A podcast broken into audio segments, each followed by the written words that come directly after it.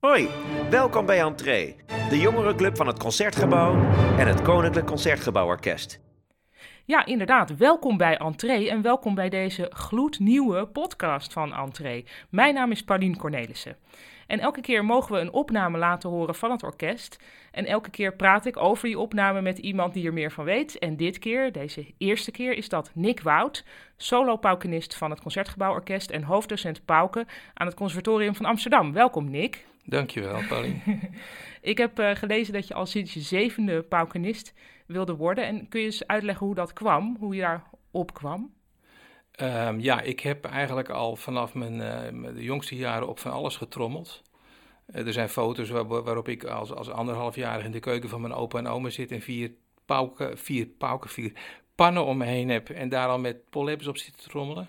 Maar ik ben op een gegeven ogenblik te weten gekomen dat mijn overgrootvader, de, de vader van mijn Italiaanse grootvader, een paukenist was. En vanaf dat moment zei ik, dat wil ik ook. Ah. Um, en zo is het eigenlijk begonnen. Ik wist eigenlijk niet precies wat het was. Maar het was, uh, het was voor mij duidelijk dat ik uh, die kant op wilde. Wat grappig. En dan ben je dus uiteindelijk um, pas op je 47ste aangenomen bij het orkest. Heb je dan heel vaak auditie moeten doen? Nee, ik, uh, ik ben eigenlijk heel, heel jong begonnen. Ik ben, uh, ik ben heel jong in jeugd, jeugdorkesten begonnen. Ik ben jong naar het conservatorium gegaan. Ik ben snel afgestudeerd. Ik zat op mijn 22e, had ik mijn eerste vaste baan bij het Radio Philharmonisch Orkest. En daar heb ik uh, 25 jaar gespeeld. Ik heb mijn jubileum nog gehaald. En toen, um, ik wilde naar het Concertgebouworkest, want daar ben ik eigenlijk opgegroeid. Daar heb ik mijn inspiratie vandaan. Mijn leraar zat daar. Ik heb daar heel veel um, geramplaceerd. En um, uh, ja, dat was de enige kans. Ik was eigenlijk te oud om proef te spelen. Maar ik heb het toch gedaan. En uh, ik moest tegen mijn eigen leerlingen spelen, bij wijze van spreken. ja. Grappig. Uh, en ik heb het gelukkig unaniem gewonnen. En sindsdien zit ik bij het Concertgebouworkest. En dat is toch anders dan, dat voelt anders dan het Radio Philharmonisch? Ja, kijk, we hebben met dezelfde muziek te maken, maar we hebben een, het is een, een prachtig orkest. Dus er wordt zo verschrikkelijk mooi gespeeld, er wordt heel vrij gespeeld. De zaal is ongelooflijk. Um, Natuurlijk, uh, hele mooie dirigenten om mee te spelen. Mooi repertoire. Um, ja, het is eigenlijk uh, ja, een droom is, is, is werkelijkheid geworden. Ja. ja en, en als je nou uh, als paukenist, ik kan me zo voorstellen dat je ook wel eens tijden hebt gehad dat je dacht, had ik maar een ander instrument gekozen. Bijvoorbeeld als je als puber bij een kampvuur zit en, en je ziet dat de jongens die gitaar spelen, dat daar, dat daar dan alle meisjes op afkomen. Zoiets kun je met pauken nooit hebben eigenlijk, hè? Weinig kampvuurpotentieel. Uh, ja, ja, ja, maar daar heb ik ook eigenlijk nooit naar gestreefd. Nee, nee, het ging altijd gewoon om ja, de muziek ja. bij jou. Ja, ja, ik moet eerlijk zeggen dat ik ook vanaf mijn vijftiende al mijn vrouw heb leren kennen. Echt? Dus in die zin is er weinig... Uh, en in een orkest misschien ook wel? Nou, wel in de muziek, ja. Niet dat zij muzikant is geworden, maar dat was wel samen op de middelbare school in de muziek. Ah. Dus ik heb wat dat betreft al snel mijn, mijn stekje gevonden en... Uh, nou, ja. ja, nou, wat, wat, wat goed. Ja. Um, en, uh, oh ja, ik had nog eigenlijk een vraag over uh, toen je uiteindelijk dan bij het Concertgebouworkest zat.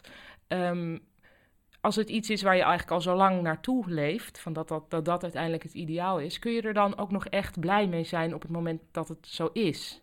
Ik bedoel, is dat een juichstemming of is het dan meer van, oh... Nee, het is een juichstemming. Kijk, ik, ben, ik zat me toevallig uh, net nog te verwonderen over het feit dat ik ben nu 61 Mhm. en uh, ik, ik, ik heb dus, ben nog nooit naar mijn werk of naar het orkest gegaan zonder dat ik dacht van, yeah, uh, ik mag weer spelen. Ik heb ook wel eens vrij, want dan speelt mijn collega. Ja. Maar dat vind ik eigenlijk, ja, ik vind het wel lekker om vrij te zijn, maar ik vind het nog veel leuker om te spelen. Dus dat, dat, dat het me, ja, dus het blijft altijd spannend. Het is, het is ik, ik heb dat nog nooit gehad. Ik, ik vind het wel, het is best wel gek. Mijn broer wil het liefst met pensioen en ik ben blij dat ik tot 67 door mag. Ja, ja. Ja, het is gewoon te leuk. Het is te mooi. Um, het geeft te veel voldoening uh, om daar ook maar uh, op een moment bij te denken van nou, dat wil ik niet meer. En je denkt dat als je op de een of andere manier in een ander vak terecht was gekomen, dat je dat dan niet had gehad? Of dat dit ook. Ja, nee, dus dit heeft niks met jouw karakter te maken. Nee. Dat is echt, dit Ja. zijn de pauken die dit doen. Ja. Had ik, uh, ja. ik denk dat ik uh, het lesgeven vind ik ook uh, heel inspirerend. Maar daarvan kan ik me ook voorstellen dat ik op een gegeven moment denk van nou, dat kost me zoveel energie. Maar het spelen heb ik, heb ik nooit gehad. Dat vind ik nog steeds geweldig. Nou gaan we zo direct luisteren naar een opname van de tweede van Mahler. Uh, dat heet Auferstehung. Is dat speciaal een, een leuk stuk voor een paukenist of een interessant stuk? Ja, is een van de mooiste stukken die, die er zijn eigenlijk. Ja? Alle Mahler-symfonieën zijn voor, voor een orkest een hoogtepunt. Voor de paukenisten zeker een hoogtepunt. Mahler 2 heeft twee paukenisten zelfs, eigenlijk zelfs vier. Ook achter de bühne worden nog paukenroffels gespeeld. Um, het is het stuk uh, wat ik voor de allereerste keer bij het Concertgebouworkest gespeeld heb toen ik nog remplaçant was. Ik had les uh, bij de oude paukenist Jan Labordus, beroemde paukenist, Amsterdammer. En um, ik zat te luisteren stiekem achter de gordijnen. En op een gegeven moment werd de man die achter de bühne pauken moest spelen, een roffel, die werd ziek. En toen zei Labordus tegen zijn collega's, ken die jongen dat niet spelen? en uh, ja, dat was eigenlijk de eerste keer dat een, een remplaçant, een student, uh, bij het orkest mee mocht doen. Dus ik heb daar, dat is voor mij een, uh, ja, ik heb daar heel veel herinneringen aan. Een, een belangrijk stuk. Het allerbelangrijkste stuk eigenlijk. Um, nou hebben we gevraagd uh, of je ook lievelingsmaten hebt in dat stuk. Je hebt eigenlijk twee fragmenten uitgekozen. Dan gaan we eerst even luisteren naar het eerste fragment. Dat komt voor in het eerste deel.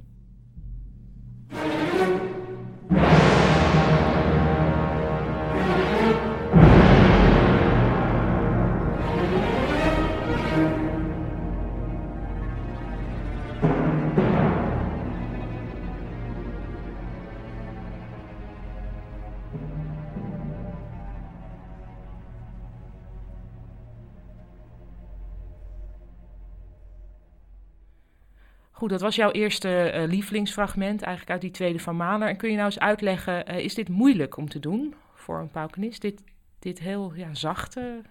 Nou ja, het is, het, het, het, is mooi, want het is een, een, een heel klein melodietje met drie noten dat we spelen. En het is, het is, het is eigenlijk de herhaling van het begin van dit stuk. Dat, dat begint met, met dat dramatische pam, pabam.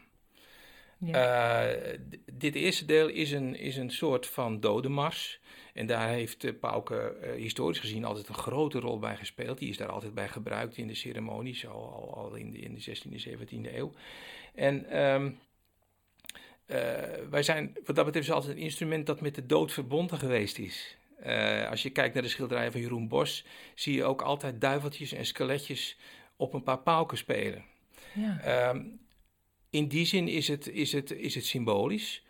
Uh, het mooie is dat het stuk begint met dit thema en dit gedeelte eindigt met dit thema, nadat er nog een enorm soort onweer met allerlei grote gongs losbarst. De pauken speelt eerst fortissimo en dan speelt hij het nog een keer pianissimo. Het is eigenlijk iets van, nou ja, het is nou helemaal zo, ik geef het op. Ja. Uh, dus het, uh, je, hebt, je zegt, kunt wel iets zeggen met die paar noten die je dan speelt.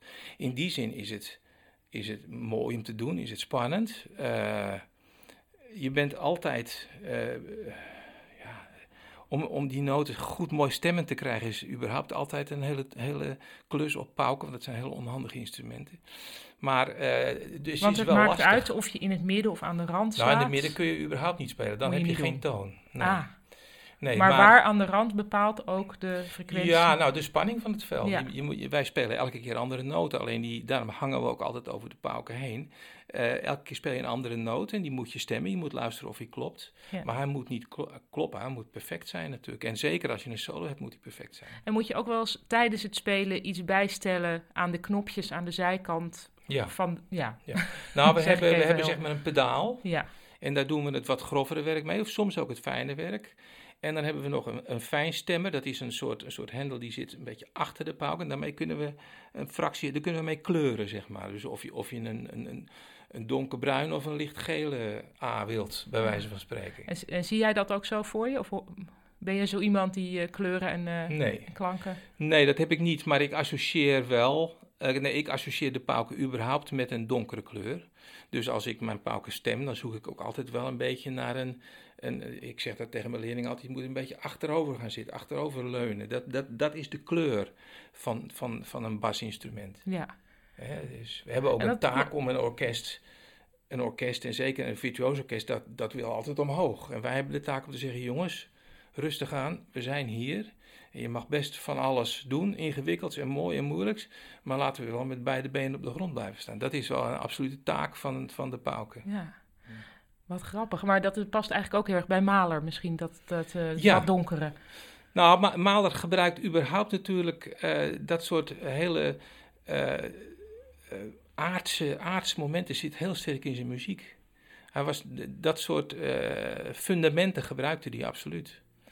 En ondertussen rijdt er een auto voorbij hier. We nemen dit gewoon op in mijn werkkamer. Maar ik garandeer alvast dat bij de opname zo direct geen auto langs zal rijden, want die is al gemaakt.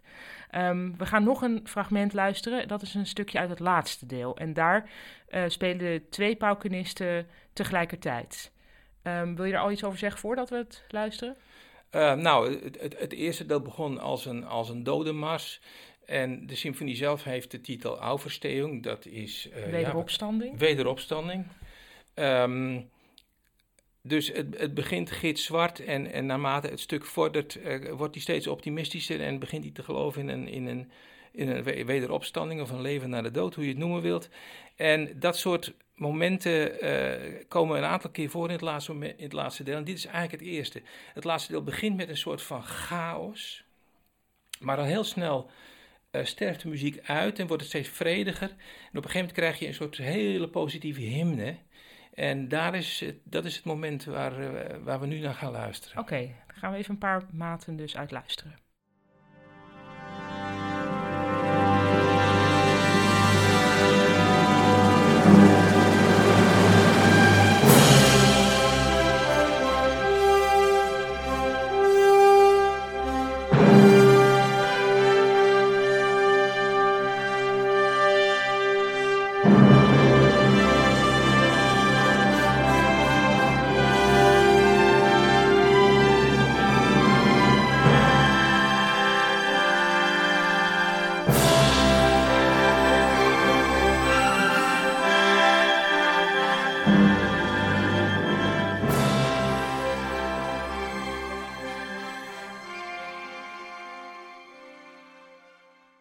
Was inderdaad een, een heel mooi en heel uh, open stuk. Uh, kun je nog als laatste vraag eigenlijk uh, zeggen wat je voelt als je zoiets speelt aan het einde van zo'n lange symfonie?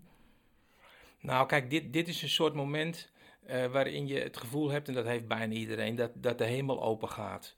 En, en daar maak je deel van uit.